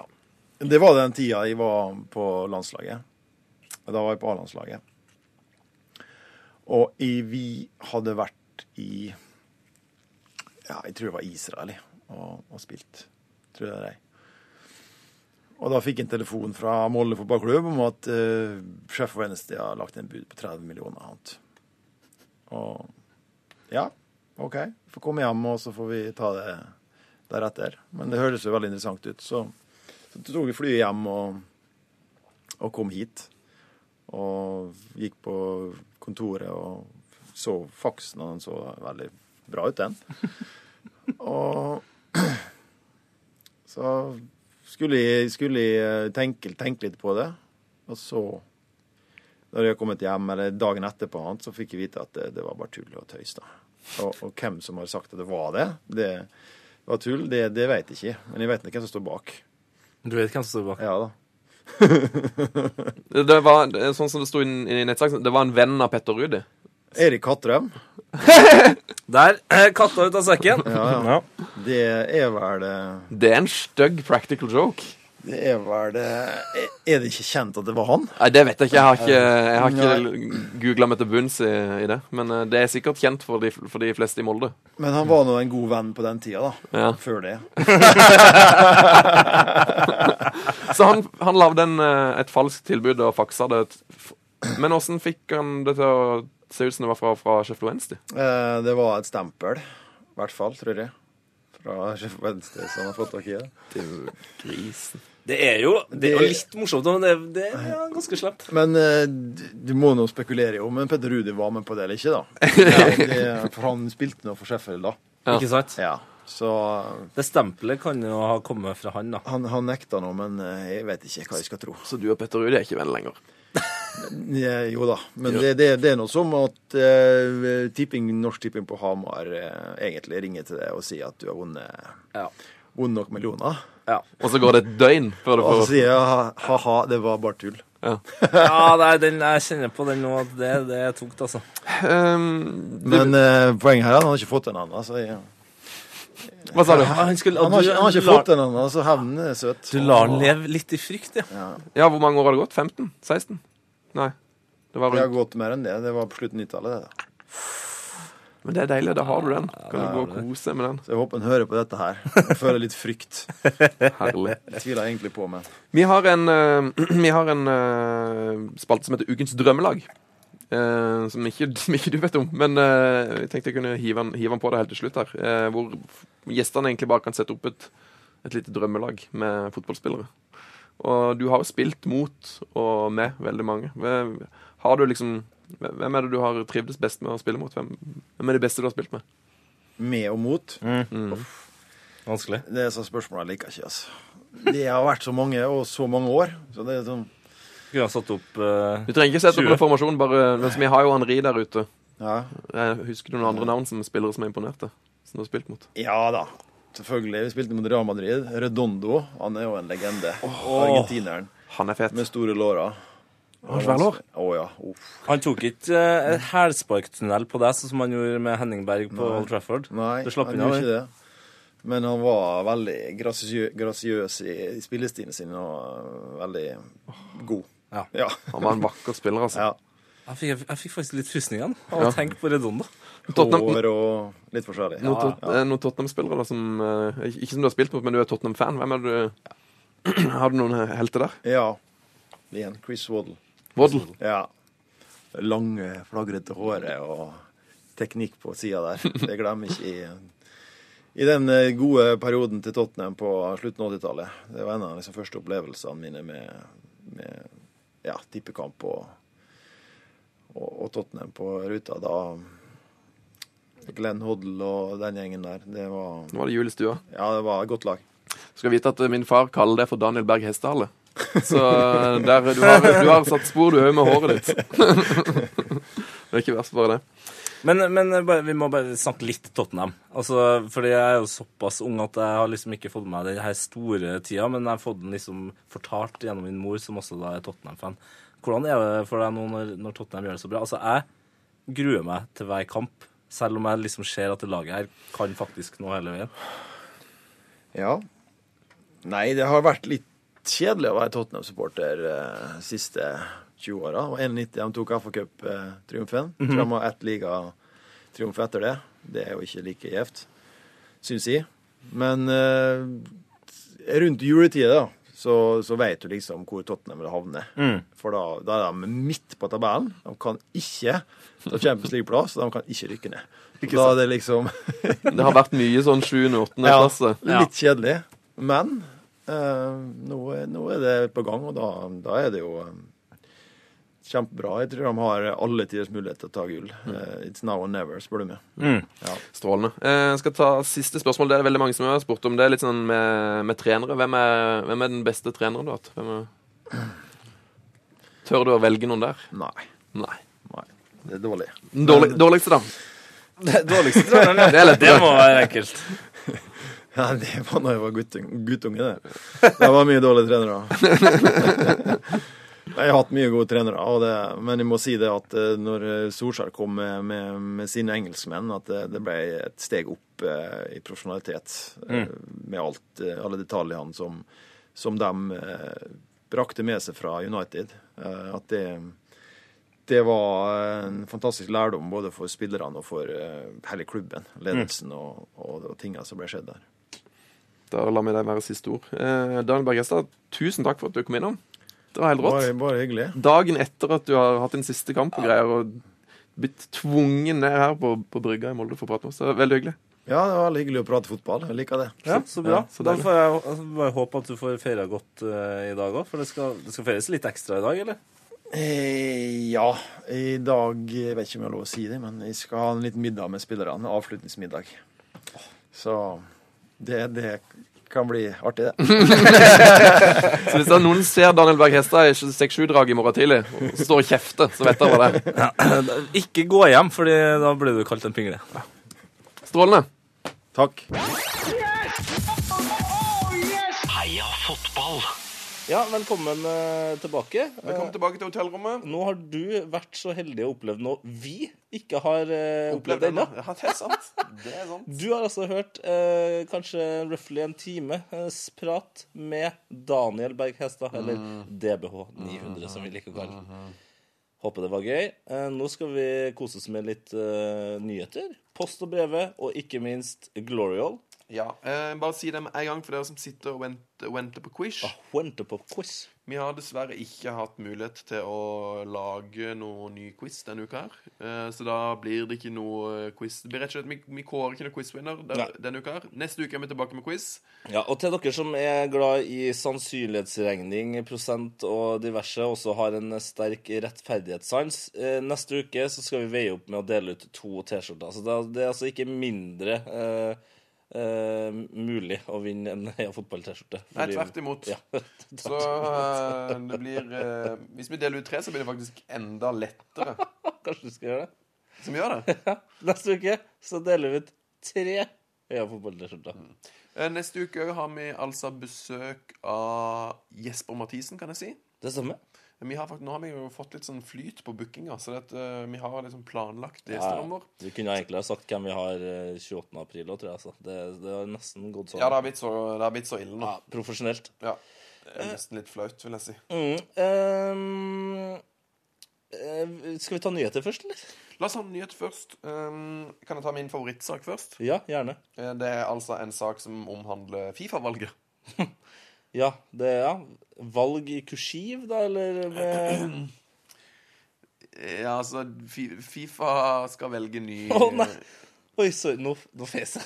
Nei, det? Oi, det lukter litt av det.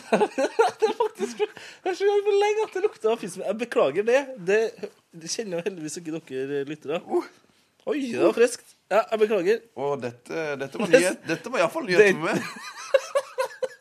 Det er ikke bare, det er ikke bare Fifa-valget som stygge, sier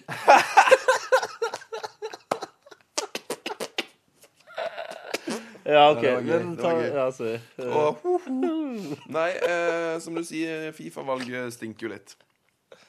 Dere skal velges en eh, ny sjef her. Og min favorittnyhet i forbindelse med dette Fifa-valget er at jeg kunne lese på nrk.no i går at det der er altså et sånn et luksushotell i Zürich hvor alle disse Fifa-pampene pleier å bo. Eh, og der koster jo altså rommene det som, er det leste, 25 000 for en natt. Og det er, ikke- det er ikke måte på. Nei Det her det skal det fråtses. Men eh, dette hotellet har jo slitt litt i og med at eh, alle disse Fifa-pampene driver på å bli tatt for korrupsjon og Annen dritt. Ja, eh, så politiet er der jo til stadighet og kjører razzia. Eh, og den saken som er her, er at hotellet, luksushotellet Zürich, hvor Fifa-pampen bor, de driver nå altså på å forberede seg på ny politirazzia. For nå er det så mye pampe der i forbindelse med valget at de bare Nei, nå Men det må være tungt å være gjennom den her razziaen tenker jeg. Ja. Det dritslitsomt. Ja, men det ser for deg at uh, Men- jobben din blir liksom endevendt. Men litt gøy. Ja, litt sånn gøy kan det også være. Får se nært Du får nærkontakt med noen voldsomme våpen. Uh, skuddsikre vester og folk med hansk, hvite hansker. Ja, Plastikkhanske. Ja, Ja, ja, ja, ja. Og jeg har en plastikkhanskehistorie. Den tror jeg ikke vi skal ta nå, Nei. med det blikket du ga meg der. Å nei, men den er, den er god. Okay. Den er veldig god. så Smart, smart sender. Vi sparer den til en gang. Det kan- være en, en eller annen gang som vil plastikkhanskehistorien min komme opp. En av mine favorittnyheter fra denne uka er jo eh, Er det Perez, eller? Nei, det er ikke det, altså. Åh, åh, kan vi ta Perez med en gang? Ja, vi kan ta Pires med en gang. Ja. Robert Pires, Arsenal-legenden, franskmann, eh, mannen som aldri spurta. Den lynsmooth vingen. Ja, han er altså Altså, Blakeren sier jo fløte ofte, Ja. men Pres Han er fløte, altså. Eller han er røddig, som du pleier å si. Ja, han er, om han er røddig, ja. Veldig røddig type. Han er så kattemyk. En av de eh, En av egentlig liksom Jeg vil si en av verdenshistoriens mest Ikke, ikke undervurderte, ikke ordet jeg leter etter, men han er liksom Det er veldig få som snakker om han. Men Ja. sett i lys av hvor fantastisk god han var. Liksom, han var jo, det var han og, han og Henri Mm. og Jungberg og Bergkamp på det laget, men det var liksom Det var mer snakk om de andre. Ja. Selv om Pires nok var helt oppe der på Bergkamp-nivå. Han var bedre Ja. enn Jungberg. Ja, og han var vel nesten like kjekk òg. Å ja. Men i hvert fall eh, Ja, eller mm, Ja, det var en ja, vanskelig han, diskusjon. han har så bra hår, det kan være at jeg blir distrahert. Men han har altså lagt opp. Ja, han la opp i går! Jeg trodde han trodde han la opp for seks Det år er siden. veldig rart. Han la opp i går. Ja, han la opp i går. eh, Etter ett år eh, i limbo, eller da, Ja. som free transfer. Han har vært på free transfer et år. eh, og han spilte i FC Goa indisk fotball i fjor. Så Indian Super League. Så han har- Tre måneder med arbeid, det er Indian Super League, ikke? Eller jo, arbeid, knapt arbeid. Ja. nok to-tre måneder. Ja, kort, Spørs så langt du kort. kommer i sluttspill, tror jeg. Ja, veldig kort sesong. Men eh, nå la han iallfall opp. Ja, for, lykke til videre, Robert. Trodde du satt i støtteapparatet i Arsenal. Du, det trodde faktisk jeg. Trodde han var sånn U, eh, U15-trener eller et eller annet sånt i Arsenal. Kanskje han er det? Han ender vel opp der. Ja, det Slutt. håper jeg. Eh, Men jo, men min favorittnyhet fra denne uka er jo at eh, den tyrkiske eh, fotballegenden, eh, spissen, eh, Galatasaray-mannen Hakan Sukur, Ja. er i ferd med å bli fengsla i fire år. Ja, dette er en Det er voldsomt. Altså, når eh, Hakan slutta eh, som fotballspiller, eh, så gikk han inn i politikken. Og det er jo fint. Så var han i, mm, i parti med, med Hva heter han? Erdogan. Ja. Da er- Recep Erdogan, Tyrkias president. Riktig. Og han her presidenten er jo en skikkelig rastapp, altså. og det har Hakan Sukur da meldt på Twitter. Det skulle han ikke ha gjort. Han har sagt noe dritt Uh, Han har kommet med noe, med noe sleivspark på Twitter eh, mot Erdogan og hans sønn, skriver Dagbladet. Ja. Dette benekter Suker selv. Ja, det gjør han. Um, han mener at det ikke var mynta direkte på dem. Uh, og det er for så vidt uh, greit, men altså, han kan ende opp uh, med fi fire års fengsel. For Et sleivspark. Ja. Men han har altså da emigrert til California, der han driver med noe, noe greier. Han er i California. Ja, eh, så jeg, jeg Jeg tror det, det er en veldig rar sak, der, For det, det er så gøy det som står i- på Dagbladet-saken. Zucker påstår at han har flyttet til California Ja, for å arbeide med åpningen av et idrettsuniversitet og for å lære engelsk. Det er uklart om han vil være til stede under rettsforhandlingene der han kan bli dømt til fire års fengsel. Nei, nei, det er Øh... man kan på en, på en måte så kan man jo håpe at han blir fengsla for å liksom få en slags eh, eh, Nelson Mandela-boost, Ja. på en måte. At han sitter, kan- sitter litt for rettferdigheten, på en måte. ja, men vi kan jo håpe at han bare ikke blir fengsla. Ja, det har vært ja, Han Altså- fortjener ikke det, altså. Eh, Dagbladet skriver Erdogan blir mer og mer lik Putin i sitt styre. Pressen forfølges, journalister og forfattere arresteres. Menneskerettighetsorganisasjoner er sterkt kritiske til Erdogan, forteller eh, Morten Strand. Ja, Da er det nok Da heier jeg helt åpenbart på Hakan Sukker. Yes. Uh, mer nyheter fra uka som gikk. United Midtjylland. Ja. Manchester United Klarte. lekte seg videre i Europaligaen i går. Ja, det er vel bare en United-supporter som kan si det på den måten. Jeg har jo faktisk ikke fått sett kampen i sin helhet, så jeg kan ikke uttale meg noe veldig. Men Nei. etter det, det inntrykket jeg fikk av følgekampen på Forsa-appen Mm. Den her appen som dere alle lurer på når vi, Ja, men Vi kan vi ta, ta noen ord om den etterpå. Men eh, det som, mitt inntrykk etter å ha sett kampen på Forsa-appen, var at United kanskje var At de sleit litt. I, I hvert fall i starten. Ja, lå under i begynnelsen. De hadde jo selvfølgelig som vanlig mest possession. Ja. Eh, De hadde en hel haug med cornere. Mm. De hadde flest skudd på mål, Ja. desidert. Men de lå likevel under. Det stemmer. Men så skjedde det noe veldig utypisk United. Eh, De skårte ett mål. De skårte to. De fikk seg en straffe som de brant. Eh, De, de Skjøt et tredje mål, et fjerde mål og et femte mål. Og Depay skårte. Og... To av målene kom fra en uh, unggutt uh, med utslett. Nei, nei, nei, nei, nei, nei. Rashford. Nei. The new Rash Minister. Det er ikke en humor jeg abonnerer på, Tete Lidbom.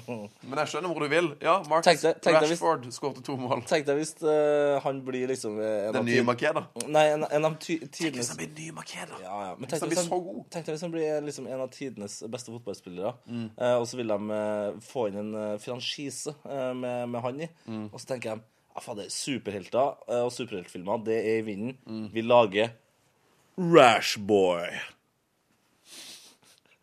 Utslettgutten. Ja. Jeg tror du må jobbe litt mer med den pitchen her, Lidbommen. Rashboy. Du må jobbe litt mer med han. Ja, Jeg skal gjøre det. Jeg skal gjøre det. Eh, skal du prompe noe mer, skal vi gå videre? Nei, det, det, er jeg ikke skal gjøre, så er det promp prompe noe mer, i hvert fall. Det skal jeg gjøre på do. Norges første podkastfis. Nei, det tviler jeg på, altså. Nei, jeg har faktisk hørt Kristoffer Schou har prompa Ja. på um, Krisemøte. Nei, på den uh, poden han har med um, Med eh, takk, vær så god, eh, Espen Thoresen. Espen Thoresen, ja. Veldig veldig fin pod. Ja. Alt du sier er feil, Espen, eh, heter den podkasten. Ja, Anbefal den. Veldig mange morsomme intervjuer. Eh, Men um, ikke- der, der prompa Kristoffer Schou. Ja. Det var et fint øyeblikk. Noe som ikke er morsomt, det er det som skjedde i London. I, The meltdown. ja, det Altså, det forbanna øyeblikket. Det er grusomt. Det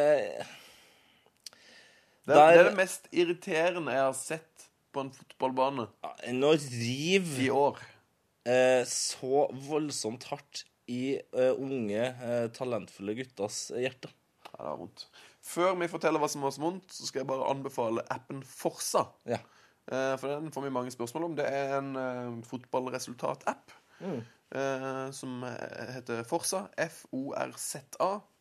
Og der kan du få mm, eh, Du får måloppdateringer. Eh, du kan gå inn og se lagoppstillinger. Ja, du kan følge ditt, dine favorittlag og få det du vil om dem. Faktisk, Du får også sånne overgangsrykter sånn øh, plingende inn. Og når overgangene skjer, Bank. Og så har de litt sånn øh, oversikt det, Men det er, det, det er faktisk det som er litt dårlig. Men de har oversikt over hvem som er skada og suspendert. Ja, det, det er digg. Men den er ofte litt feil.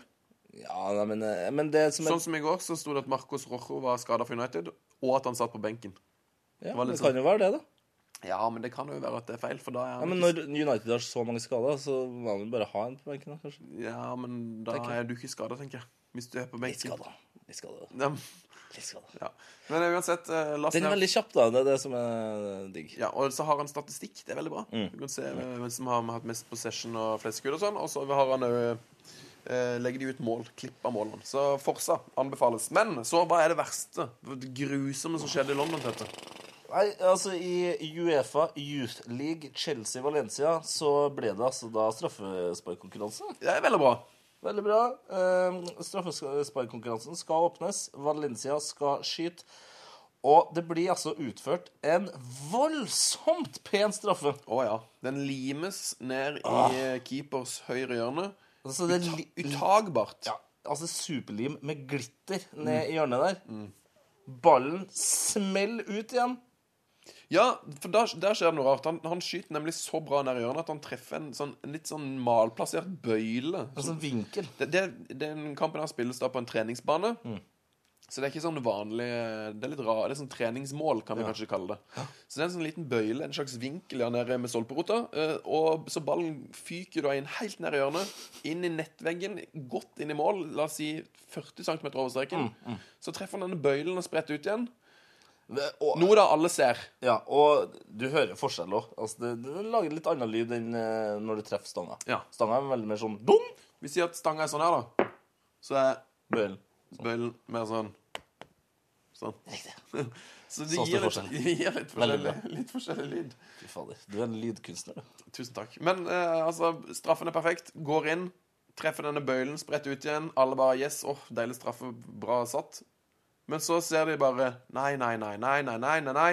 Dommeren dømmer bom. Nei. Og Valencia rykker ut. Og Valencia rykker ut. Og de blir, Det var så dumt, for det skjer på den første straffen, og uh, straffekonken endte jo Endte 5-4, og alle Valencia-spillerne skåret jo, men de brukte veldig mye tid og krefter på å liksom gå og kjefte Ja. på den straffen. da. Uff. det er, uff, det er noe av det mest provoserende jeg har sett på veldig veldig lenge. Mm. Eh, og kan bare ikke fatte og begripe at ikke det går an å bare få på litt videodømming. Ja, men, og, Litt. men i dette tilfellet er det jo bare Det er greit at det liksom ikke er Champions League, men de kan jo få lov til å spille på mål som er skikka til kamp, da.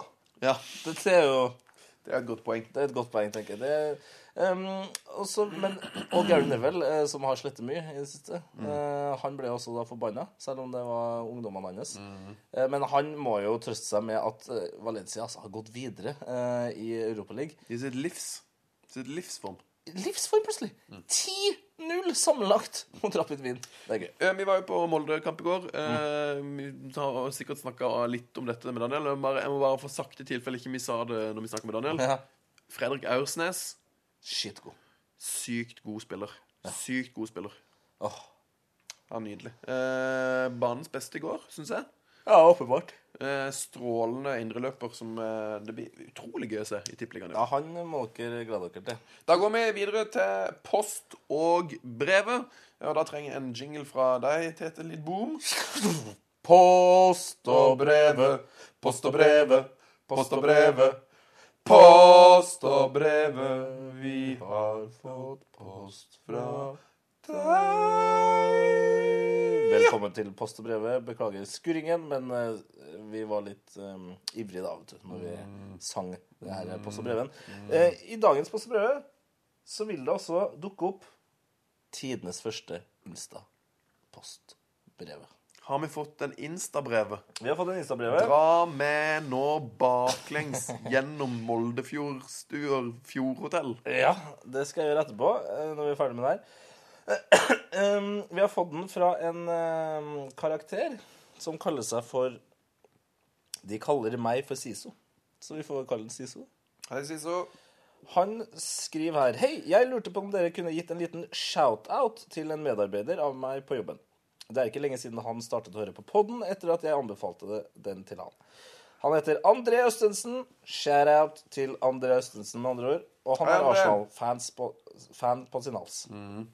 Siden dere begge er enten ManU eller Tottenham-fans, eh, så mener han altså at vi kan si noen nedlatende ord om Arsenal og Giroud.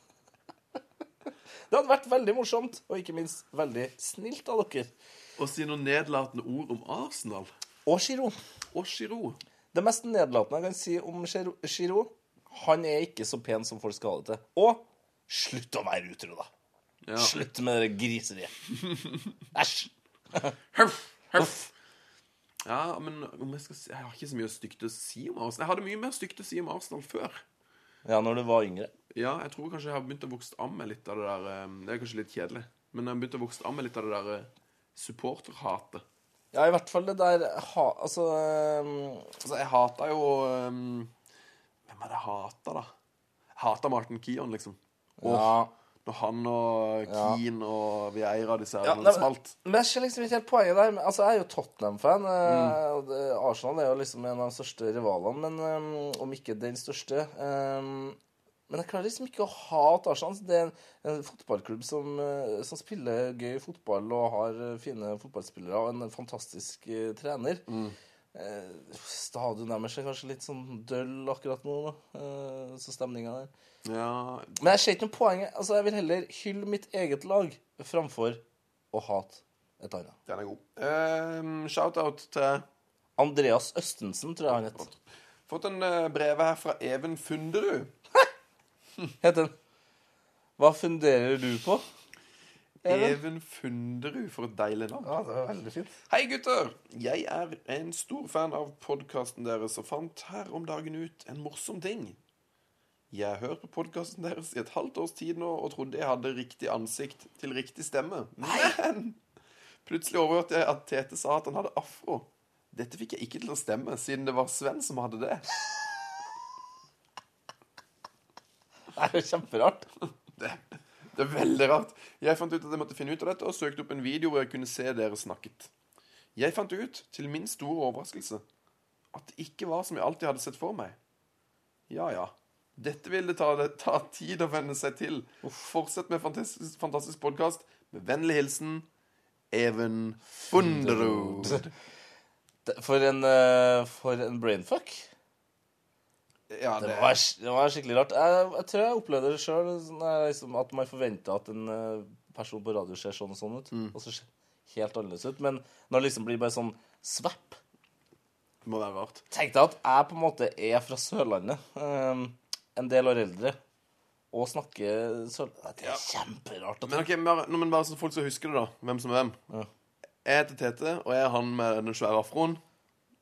Ja, og mitt navn er Sven, eh, og jeg er nesten 1,86 eh, høy og lyst hår. Ja, du, jeg vil si du er 1,90. Ja. Lyst hår, skjegg. Ekstre, ekstremt kjekk. Ekstremt kjekk. Ja, Helt på det jevne. Helt på det jevne. Skal vi Ja, ta fin, et fin brev. eh, brev til, da, kanskje? Vi har nevnt at vi ligger i en seng. Nei, det tror jeg kanskje ikke. Jo, jeg tror det. Men det er i hvert fall, det kan påpekes en gang til. Vi ligger altså i en seng. Vi ligger i en seng på Molde Fjordstuer, et framifrå hotell. Eh, Som vi sikkert snart blir kasta ut eh, fra. Det kan bli interessant. Ja, du, vi må, men nå tror jeg vi har snakka såpass lenge at vi må prøve å komme oss til Glory. Eh, vi, skal snart, vi skal jo snart bort og intervjue Daniel Berghestad. Ja. Eh, bare før vi går til Glory Hall, så vil jeg bare si tusen hjertelig takk til absolutt alle som har sendt inn eh, spørsmål til Daniel denne uka her. Ja, helt nydelig. Det var overveldende. Ja, det var faen meg det, det gjorde jobben vår veldig lett. Så det er strålende, altså. Mm. Spesielt takk til Freddy Dos Santos, som sendte inn fire spørsmål. det er ryddig. Freddy, hvis du blir arbeidsløs, så skal du få en egen spalte. Så må jeg også hilse til Erlend, som sendte inn noen del spørsmål som jeg ikke fikk brukt. Som jeg ikke turte å bruke, for de var så voldsomme. På mail, ja. Mm, og Erlend, det det er ryddig, Erlend. Ja, Det er ryddig. Det er, å, det, han liker ikke ryddig. Nei, han liker ikke ordet ryddig. Ja, det er artig.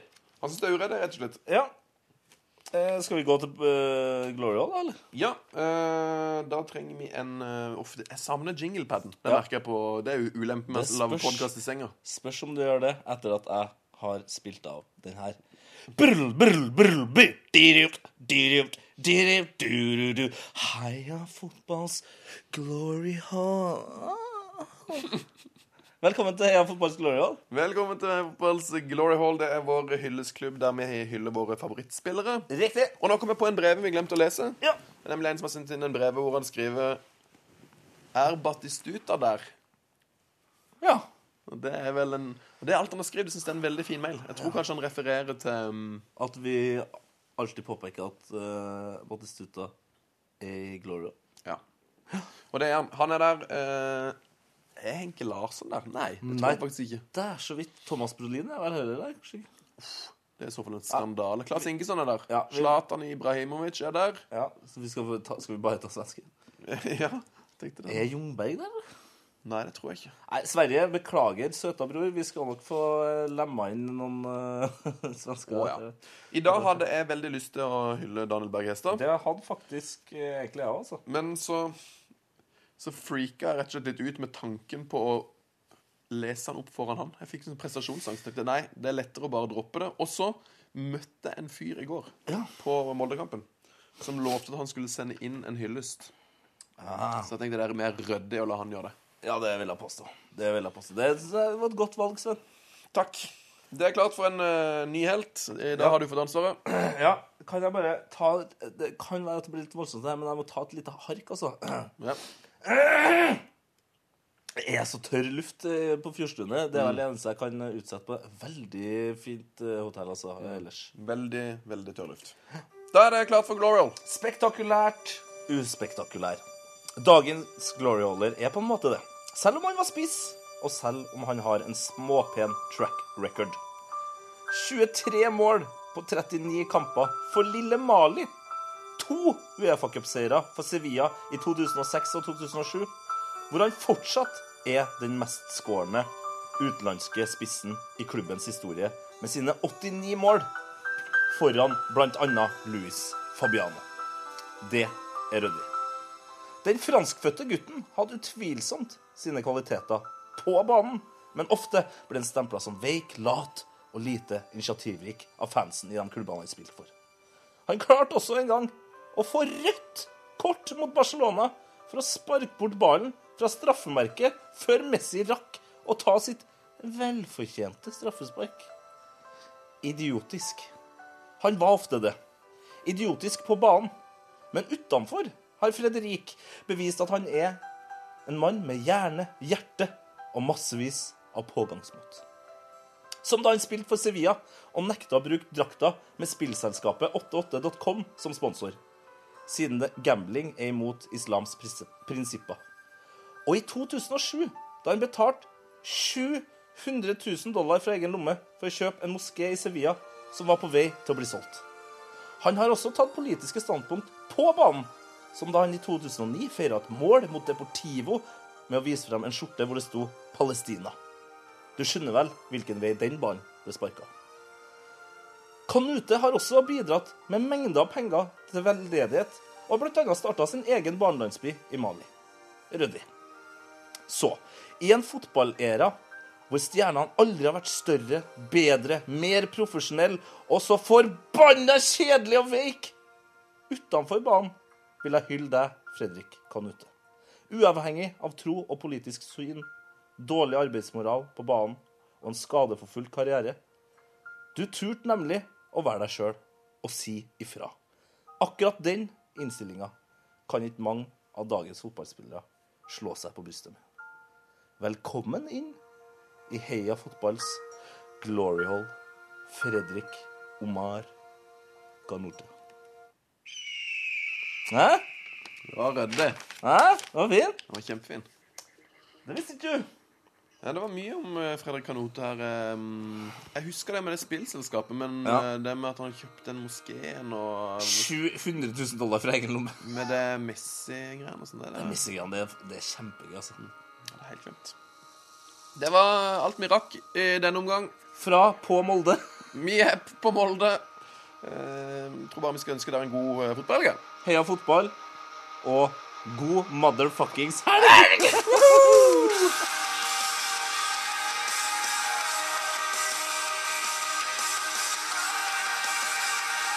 Frank de Boer speelt de bal til Dennis Merkamp. Dennis Merkamp. Dennis Merkamp! Nei, det er det vi kan smeke noe av det.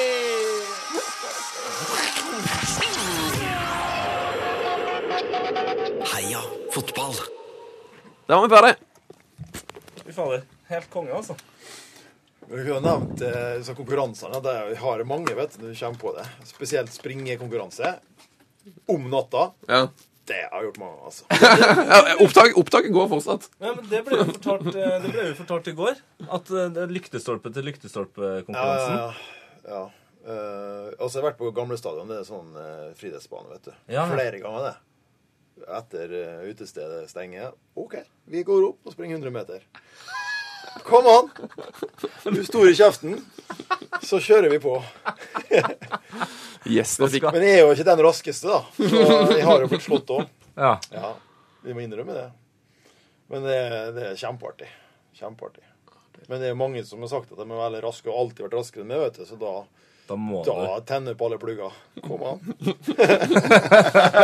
Ja, nå tar jeg mikkene, nå tar jeg mikkene så er får ikke folk høre mer, men uh, nydelig, nydelig med Daniel Bergestad.